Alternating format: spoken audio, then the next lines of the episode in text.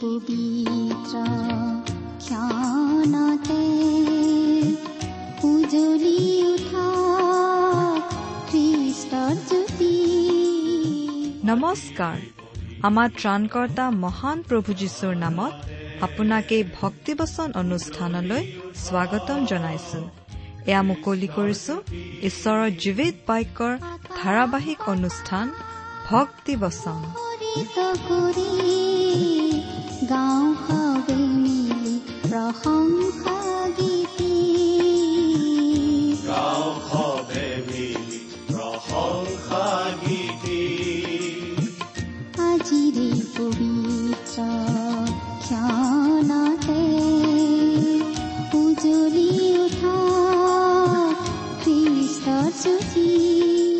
আপোনাৰ জীৱনত যদি শান্তি পাব বিচাৰে তেন্তে এয়া ঈশ্বৰৰ বাক্যৰ সান্তনা বাক্য।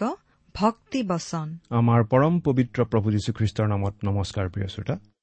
আপোনাৰ ভালনে বাৰু? আশা কৰোঁ পৰম পিতা পৰমেশ্বৰৰ মহান অনুগ্ৰহত আপুনি ভালে কুশলে আছে। এয়া আকৌ আপোনালোকৰ ওচৰলৈ আহিছোঁ বাইবেল অধ্যয়নৰ অসমীয়া অনুষ্ঠান ভক্তিবচনৰ যোগেৰে। আশা কৰোঁ আপুনি আমাৰ এই অনুষ্ঠান নিয়মিতভাৱে শুনি আহিছে। অনুষ্ঠান শুনি কেনে পাইছে বাৰু? ইয়াৰ দ্বাৰা আপুনি কিবা প্ৰকাৰে লাভৱান হোৱা বুলি ভাবেনে? আমালৈ চিঠি লিখি জনাবচোন। আপোনাৰ দিহা পৰামৰ্শ মতামত গঠনমূলক সমালোচনা আদি পালেহে আমি আমাৰ এই অনুষ্ঠান অধিক মনোগ্ৰাহী কৰি তুলিবলৈ চেষ্টা চলাব পাৰিম। প্ৰভু যীশু সম্বন্ধে কিবা জানিবলগীয়া কথা থাকিলেও আমালৈ লিখিব পাৰে। আপোনালোকৰ পৰা পোৱা চিঠি পত্ৰই আমাৰ উৎসাহ উদ্দীপনাৰ উৎসৰ নিচিনা। আহকচোন বাইবেল অধ্যয়ন আৰম্ভ কৰাৰ আগতে পৰম পিতা পৰমেশ্বৰৰ ওচৰত প্ৰাৰ্থনাত মূৰ্ণত কৰোঁ হওক। আমি প্ৰাৰ্থনা কৰোঁ। হে আমাৰ স্বৰ্গত থকা অসীম দয়ালু পিতৃ ঈশ্বৰ তোমাৰ মহান নামৰ ধন্যবাদ কৰোঁ। তোমাৰ গৌৰৱ মহিমা সকলো ঠাইতে বিয়পি পৰক। এতিয়া আমি প্ৰাৰ্থনাৰে তোমাৰ ওচৰ চাপিছোঁ প্ৰভু কিয়নো তুমি প্ৰাৰ্থনা শুনোতা আৰু উত্তৰ দিওঁতা ঈশ্বৰ। তুমি পবিত্ৰ তুমি ধাৰ্মিক তুমি ন্যায়বান তুমি দয়ালু তুমি কৰুণাময়। তুমি আমাৰ স্ৰষ্টা পালনকৰ্তা তুমি আমাৰ উদ্ধাৰকৰ্তা তোমাৰ তুলনাত আমি অতি নগণ্য প্ৰভু। তথাপি তুমি আমাক কিয় ইমান প্ৰেম কৰা আমি বুজি নাপাওঁ। তোমাক অশেষ ধন্যবাদ কিয়নো তুমি আমাক উদ্ধাৰ কৰিবলৈ তোমাৰ একমাত্ৰ পুত্ৰ যীশুখ্ৰীষ্টকে জগতলৈ পঠালা। তেওঁ ক্ৰুচত প্ৰাণ দি আমাৰ পাপৰ প্ৰাচিত্য কৰি তৃতীয় দিনা পুনৰ জি উঠি সোঁ শৰীৰে স্বৰ্গলৈ গৈ এতিয়া তোমাৰ সিংহাসনৰ সোঁহাতে বহি আমাৰ হকে নিবেদন কৰি আছে। তেওঁত বিশ্বাস কৰি আজি আমি বিনামূল্যে পৰিত্ৰাণ লাভ কৰি তোমাৰ সন্তান হ'ব পৰা হৈছো। আমাৰ ধাৰ্মিকতাৰ কাৰণে নহয় কিন্তু একমাত্ৰ তোমাৰ অনুগ্ৰহতহে ই সম্ভৱ হৈছে। তাৰ বাবে তোমাক অশেষ ধন্যবাদ পিতা। এতিয়া প্ৰাৰ্থনা কৰিছো তুমি আমাক তোমাৰ বাক্য বুজিবলৈ সহায় কৰা তোমাৰ মাত আমাক শুনিবলৈ দিয়া। অনুষ্ঠান শুনি থকা প্ৰতিজন শ্ৰোতাক তুমি বিশেষভাৱে আশীৰ্বাদ কৰা কিয়নো এই প্ৰাৰ্থনা আমাৰ ত্ৰাণকৰ্তা প্ৰভু যীশুখ্ৰীষ্টৰ নামত অৰ্পণ কৰিলো। আমেন।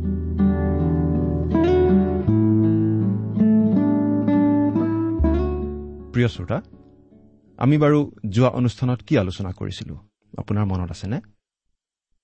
আমি আজি কিছুদিনৰ পৰা বাইবেলৰ নতুন নিয়ম খণ্ডৰ পিতৰৰ প্ৰথম পত্ৰ বা চমুকৈ প্ৰথম পিতৰ নামৰ পুস্তকখন অধ্যয়ন কৰি আছো। আৰু যোৱা অনুষ্ঠানত আমি এই প্ৰথম পিতৰ পুস্তকখনৰ তিনি নম্বৰ অধ্যায়ৰ অধ্যয়ন আৰম্ভ কৰিছিলো। আমি যোৱা অনুষ্ঠানত এই তিনি নম্বৰ অধ্যায়ৰ সাত নম্বৰ পদলৈকে পঢ়ি আমাৰ আলোচনা আগবঢ়াইছিলো। আপুনি আমাৰ এই অনুষ্ঠান শুনিছিলনে বাৰু? আশা কৰোঁ কথাবোৰ আপোনাৰ অলপ হ'লেও মনত আছে। আমি বিশেষকৈ স্বামী স্ত্ৰীৰ সম্বন্ধৰ কথা আলোচনা কৰিছিলো। স্ত্ৰী স্বামীৰ বশীভূত হ'ব লাগে। স্বামী খ্ৰীষ্টীয় বিশ্বাসী নহলেও খ্ৰীষ্টীয় বিশ্বাসী স্ত্ৰী স্বামীৰ বশীভূত হ'ব লাগে। কথাৰে নহয় আচাৰ ব্যৱহাৰৰ মাজেদি প্ৰকৃত খ্ৰীষ্টীয় চৰিত্ৰ আৰু গুণসমূহ প্ৰকাশ কৰিব লাগে। তেনেকুৱা সৎ স্বভাৱৰ বাধ্য স্ত্ৰীৰ যোগেদি অবিশ্বাসী স্বামীও খ্ৰীষ্টীয় বিশ্বাসী হৈ পৰাৰ সম্ভাৱনা থাকে।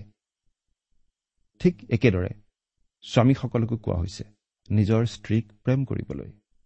স্ত্ৰীসকল দুৰ্বল ভাণ্ড। এই কথা মনত ৰাখি স্ত্ৰীক সমাদৰ কৰিবলৈ কোৱা হৈছে।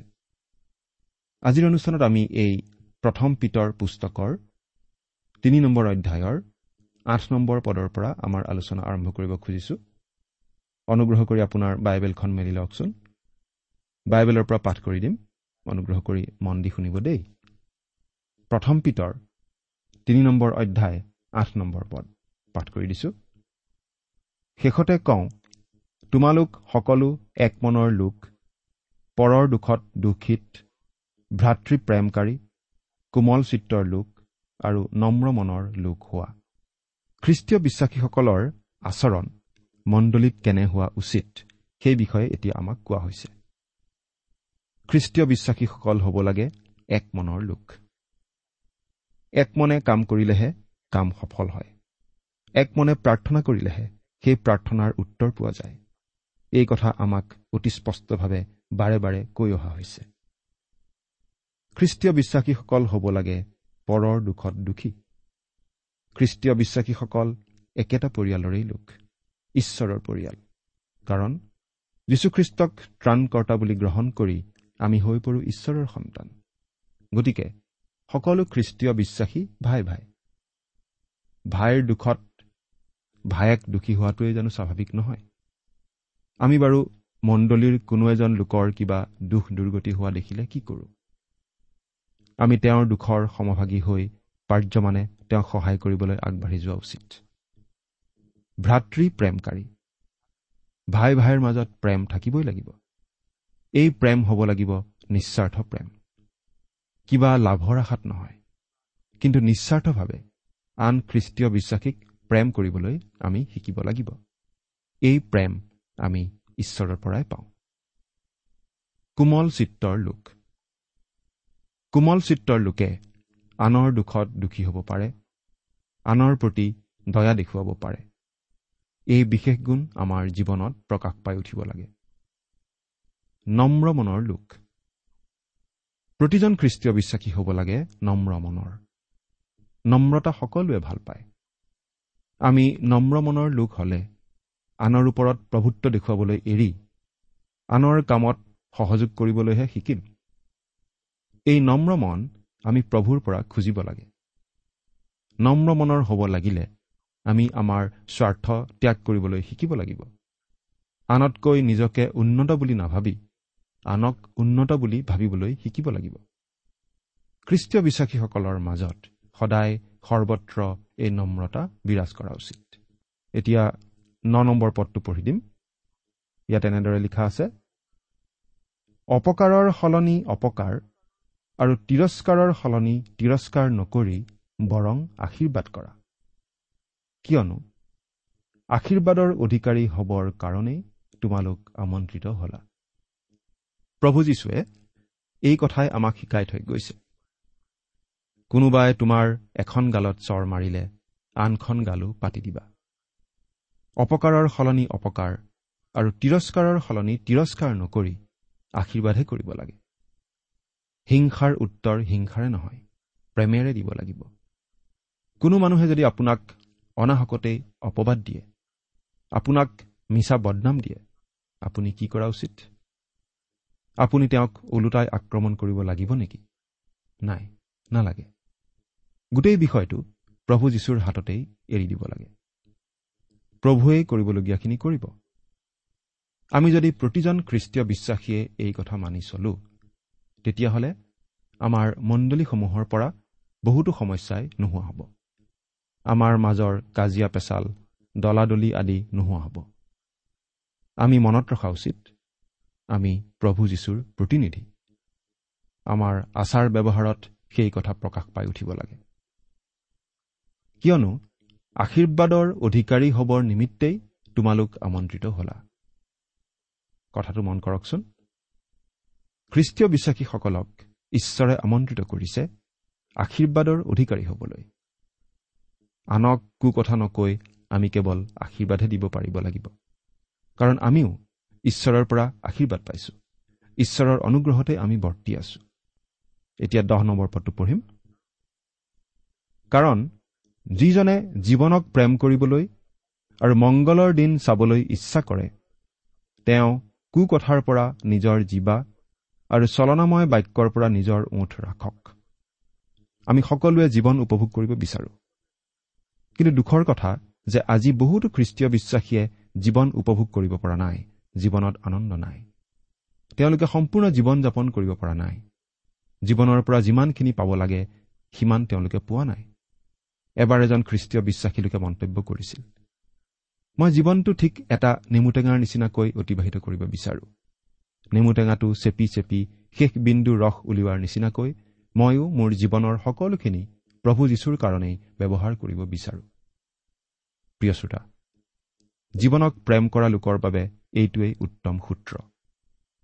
পিতৰে কৈছে আমি অনবৰতেই আনৰ বিষয়ে মন্দ কথা কৈ থকাৰ পৰা বিৰত থাকিব লাগে। আমি চল কপটৰ কথা কোৱাৰ পৰাও বিৰত থাকিব লাগে। আমি থাকিব লাগে সত্যত। আমাৰ মুখেৰে সত্য কথাই ওলাব লাগে। এতিয়া এঘাৰ নম্বৰ পদটো পঢ়িছো। কুকৰ্মৰ পৰা পৃথকে থাকি সৎকৰ্ম কৰক। শান্তি বিচাৰি তাক খেদি যাওক। খ্ৰীষ্টীয় বিশ্বাসীসকলে খুব ধাৰ্মিক দেখুৱাই ঘৰতে হাত সাৱটি বহি থাকিব নালাগিব। আমি জীৱনৰ যোগেদি খ্ৰীষ্টীয় বিশ্বাস প্ৰকাশ কৰিব লাগিব। আমি পৰচৰ্চা বা আনৰ নিন্দা কৰি চল কপটৰ কথা কৈ সময় খৰচ নকৰি তাৰ ওলোটাহে কৰিব লাগে। আমি কুকৰ্মৰ পৰা আঁতৰি থাকিব লাগে আৰু সৎকৰ্মত ব্যস্ত হ'ব লাগে। আমি এনেকুৱা বিষয়বোৰত ব্যস্ত হ'ব লাগে যাৰ দ্বাৰা শান্তি স্থাপন হয়। আমি ঈশ্বৰৰ হকে জীয়াই থাকিব লাগে। এই কথা অতি প্ৰয়োজনীয়। এতিয়া বাৰ নম্বৰ পদটো পঢ়ি দিছো। কিয়নো প্ৰভুৰ চকু ধাৰ্মিকবিলাকলৈ আৰু তেওঁৰ কাণ তেওঁবিলাকৰ প্ৰাৰ্থনালৈ। কিন্তু কুকৰ্মকাৰীবিলাকলৈ প্ৰভুৰ মুখ কুদোৱা। এইটো বিশেষভাৱে মন কৰিবলগীয়া শাস্ত্ৰপদ। এই শাস্ত্ৰপদটো আচলতে পাচনি পিতৰে গীতমালা চৌত্ৰিশ নম্বৰৰ পৰা উদ্ধৃতি দিছে। গীতমালাত আমি এনেদৰে পাওঁ ধাৰ্মিকবিলাকলৈ জিহুৱাৰ দৃষ্টি আছে। তেওঁবিলাকৰ কাটৰোক্তিলৈ তেওঁ কাণ পাতি আছে।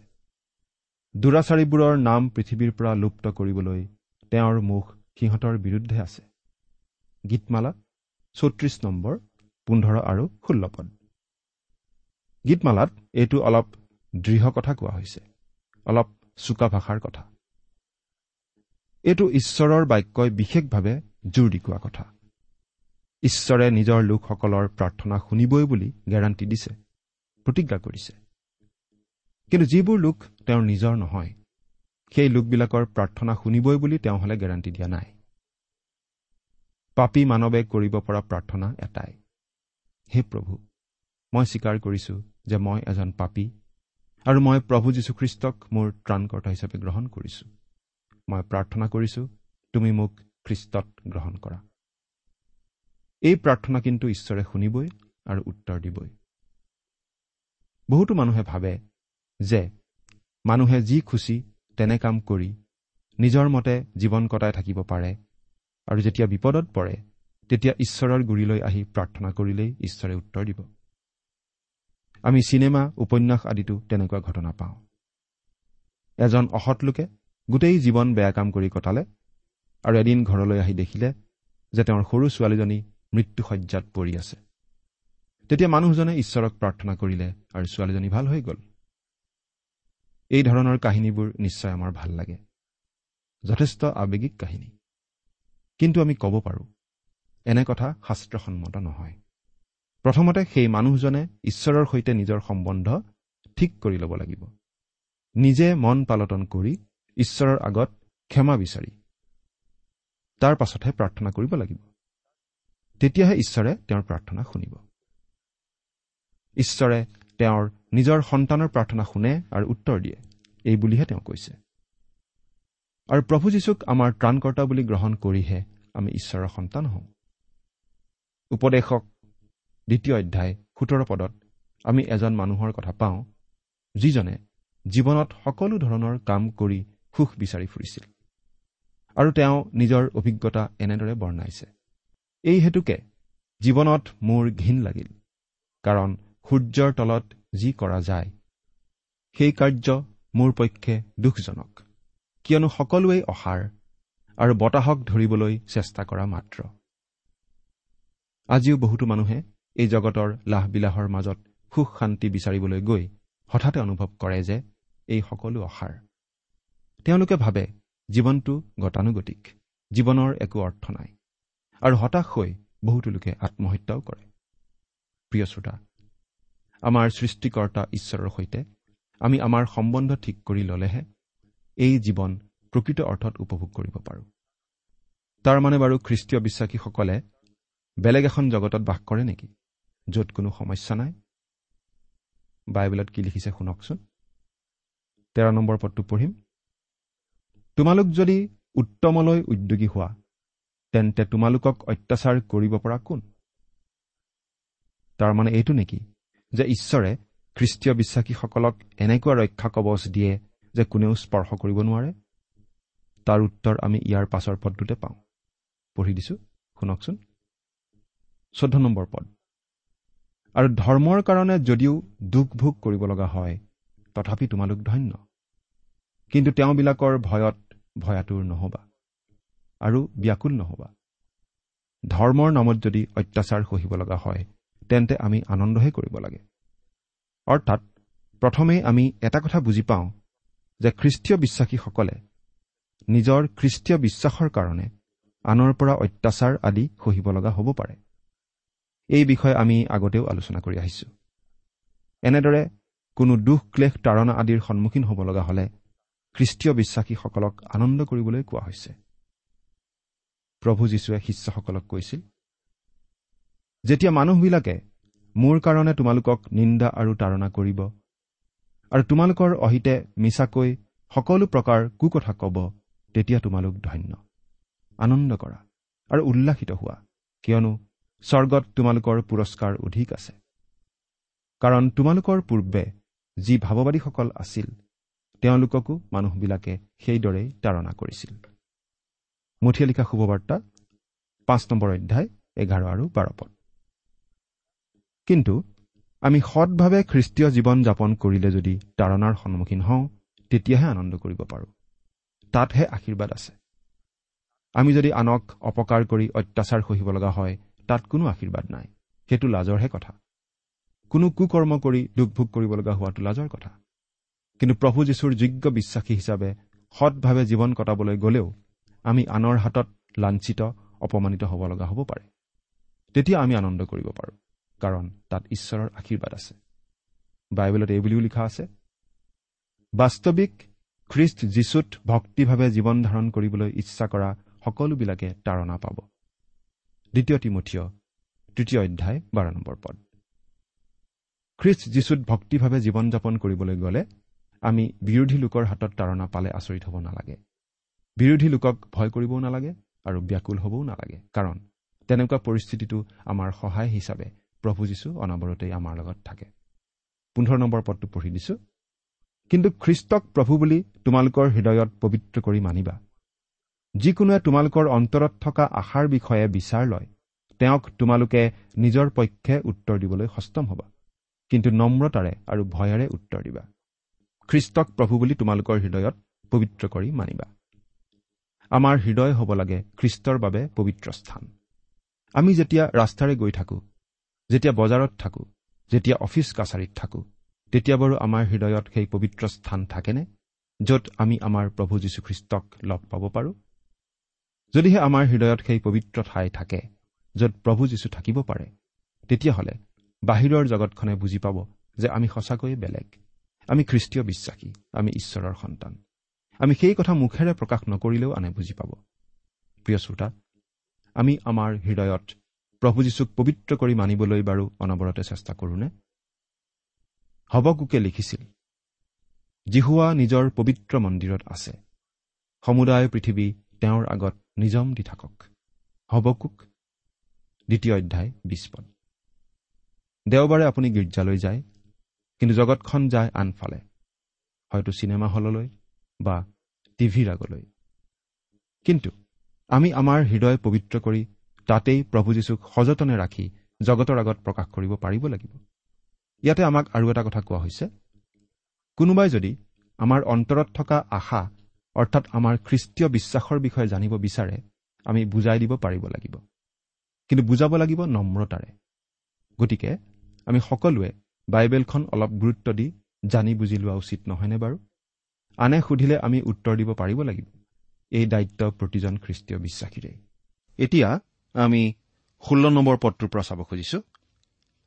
ইয়াত এনেদৰে লিখা আছে আৰু যিবিলাকে খ্ৰীষ্টত থাকি কৰা তোমালোকৰ সদাচৰণৰ নিন্দা কৰে তোমালোক যি বিষয়ত নিন্দিত হোৱা সেই বিষয়ত তেওঁবিলাক যেন লাজত পৰিব এইকাৰণে তোমালোকে উত্তম বিবেকো ৰাখিবা। অৰ্থাৎ ইয়াত আমাক এই কথা কোৱা হৈছে যে আনে আমাৰ বিষয়ে কিবা অপবাদ দিব খুজিলেও সেই অপবাদ যে আচলতে মিছা হয় তালৈ আমি সাৱধান হ'ব লাগিব।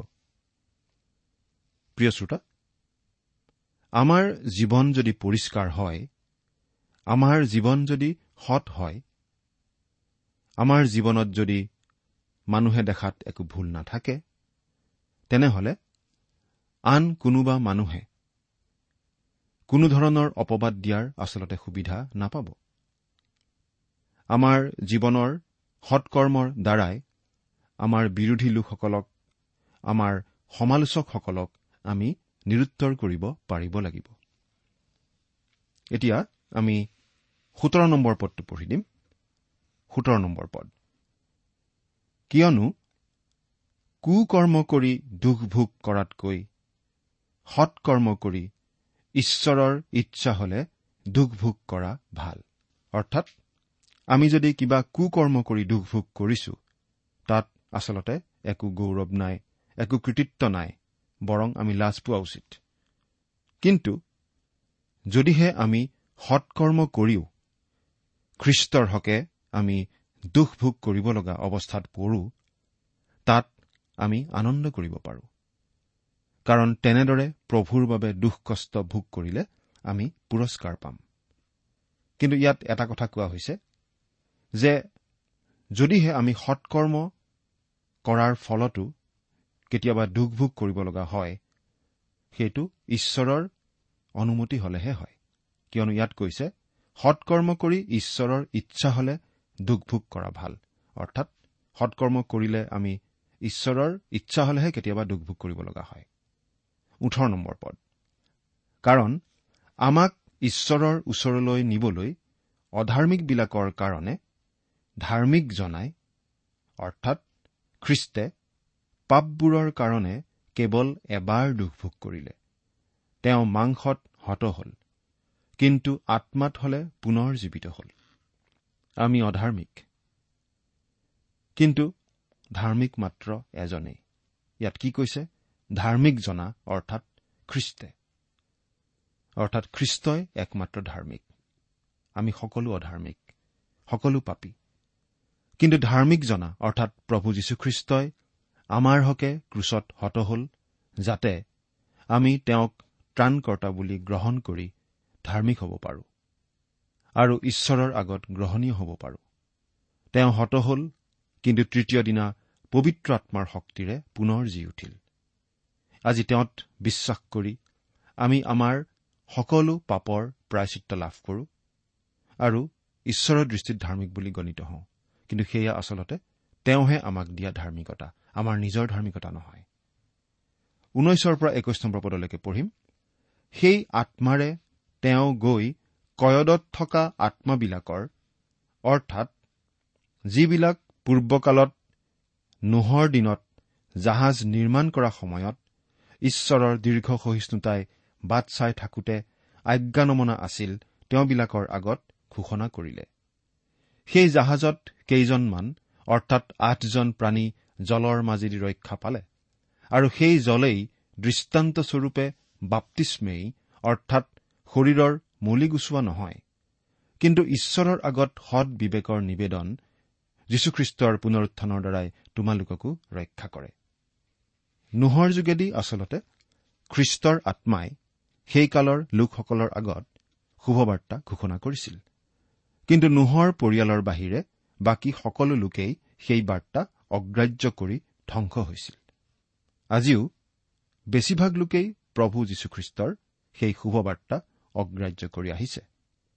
কিন্তু নোহ যেনেকৈ জলৰ মাজেদিও ৰক্ষা পাইছিল ঠিক তেনেকৈ আজিও প্ৰভু যীশুখ্ৰীষ্টৰ বাক্য গ্ৰহণ কৰা লোকসকলে পবিত্ৰ আত্মাৰে বাপ্তাইজিত হৈ পৰিত্ৰাণ লাভ কৰে। বাইশ নম্বৰ পদ তেওঁ স্বৰ্গলৈ গৈ ঈশ্বৰৰ সোঁহাতে আছে আৰু স্বৰ্গদূতবিলাক ক্ষমতা আৰু শক্তিসমূহ তেওঁৰ বশীভূত হ'ল। প্ৰভু যীশুৱে আমাৰ বাবে সকলোখিনি কৰিলে। আজি তেওঁ স্বৰ্গত পিতৃ ঈশ্বৰৰ সোঁহাতে বহি আমাৰ বাবে নিবেদন কৰি আছে। তেওঁ ৰজাৰো ৰজা প্ৰভুৰো প্ৰভু। তেওঁতেই আপোনাৰ যথাসৰ্বস্ব সমৰ্পণ কৰি অনন্ত জীৱনৰ আশীৰ্বাদ গ্ৰহণ কৰিছেনে প্ৰিয় শ্ৰোতা? ঈশ্বৰে আপোনাক আশীৰ্বাদ কৰক। আহমেদ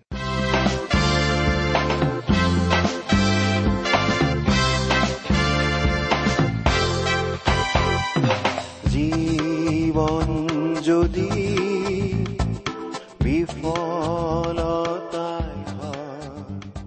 ইমান পৰে আপুনি ভক্তিবচন অনুষ্ঠানটি শুনিলে। অনুষ্ঠানটি শুনি কেনে পালে আমালৈ চিঠি লিখি জনাবচোন। অনুষ্ঠানত প্ৰচাৰ কৰা কোনো কথা বুজিব লগা থাকিলেও আমালৈ লিখক। আমাৰ ঠিকনা ভক্তিবচন টি ডাব্লিউ আৰ ইণ্ডিয়া ডাক বাকচ নম্বৰ সাত শূন্য গুৱাহাটী সাত আঠ এক শূন্য শূন্য এক। ঠিকনাটো আৰু এবাৰ কৈছো ভক্তিবচন টি ডাব্লিউ আৰ ইণ্ডিয়া ডাক বাকচ নম্বৰ সাত শূন্য গুৱাহাটী সাত আঠ এক শূন্য শূন্য এক। আপুনি ইমেইল যোগেৰেও আমাৰ সৈতে যোগাযোগ কৰিব পাৰে। আমাৰ ইমেইল আইডিটো হৈছে Assamese T TV at radio' eight eight two dot com আইডিটো আকৌ এবাৰ কৈছো।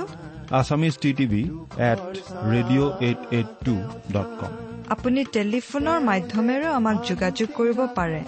আমাৰ টেলিফোন নম্বৰটো হৈছে শূন্য তিনি ছয় এক দুই ছয় শূন্য চাৰি ছয় সাত এক। ফোন নম্বৰটো আকৌ এবাৰ কৈছো zero' three six one two six zero' four six seven one. আজিৰ অনুষ্ঠানটি ইমানতে সামৰিছো। ঈশ্বৰৰ শান্তি আৰু অনুগ্ৰহ আপোনাৰ লগত থাকক। ধন্যবাদ।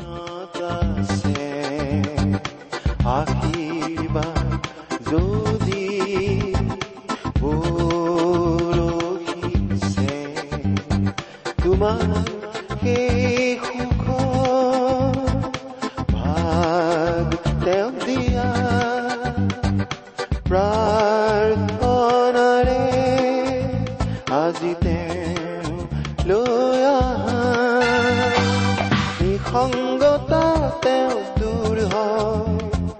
ভয়ৰো তেওঁ স্থান নাই। দুখৰ ছায়া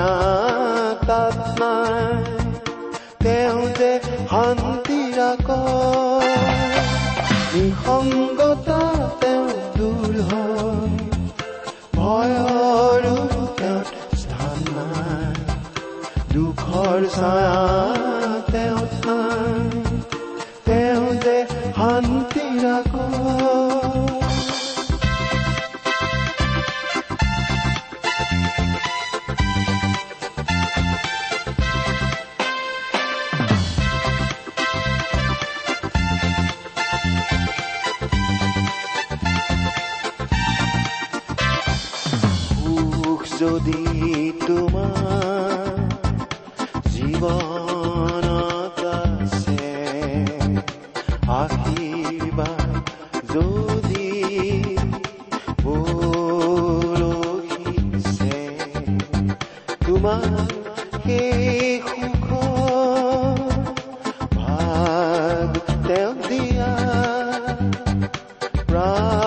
প্ৰাৰ্থনাৰে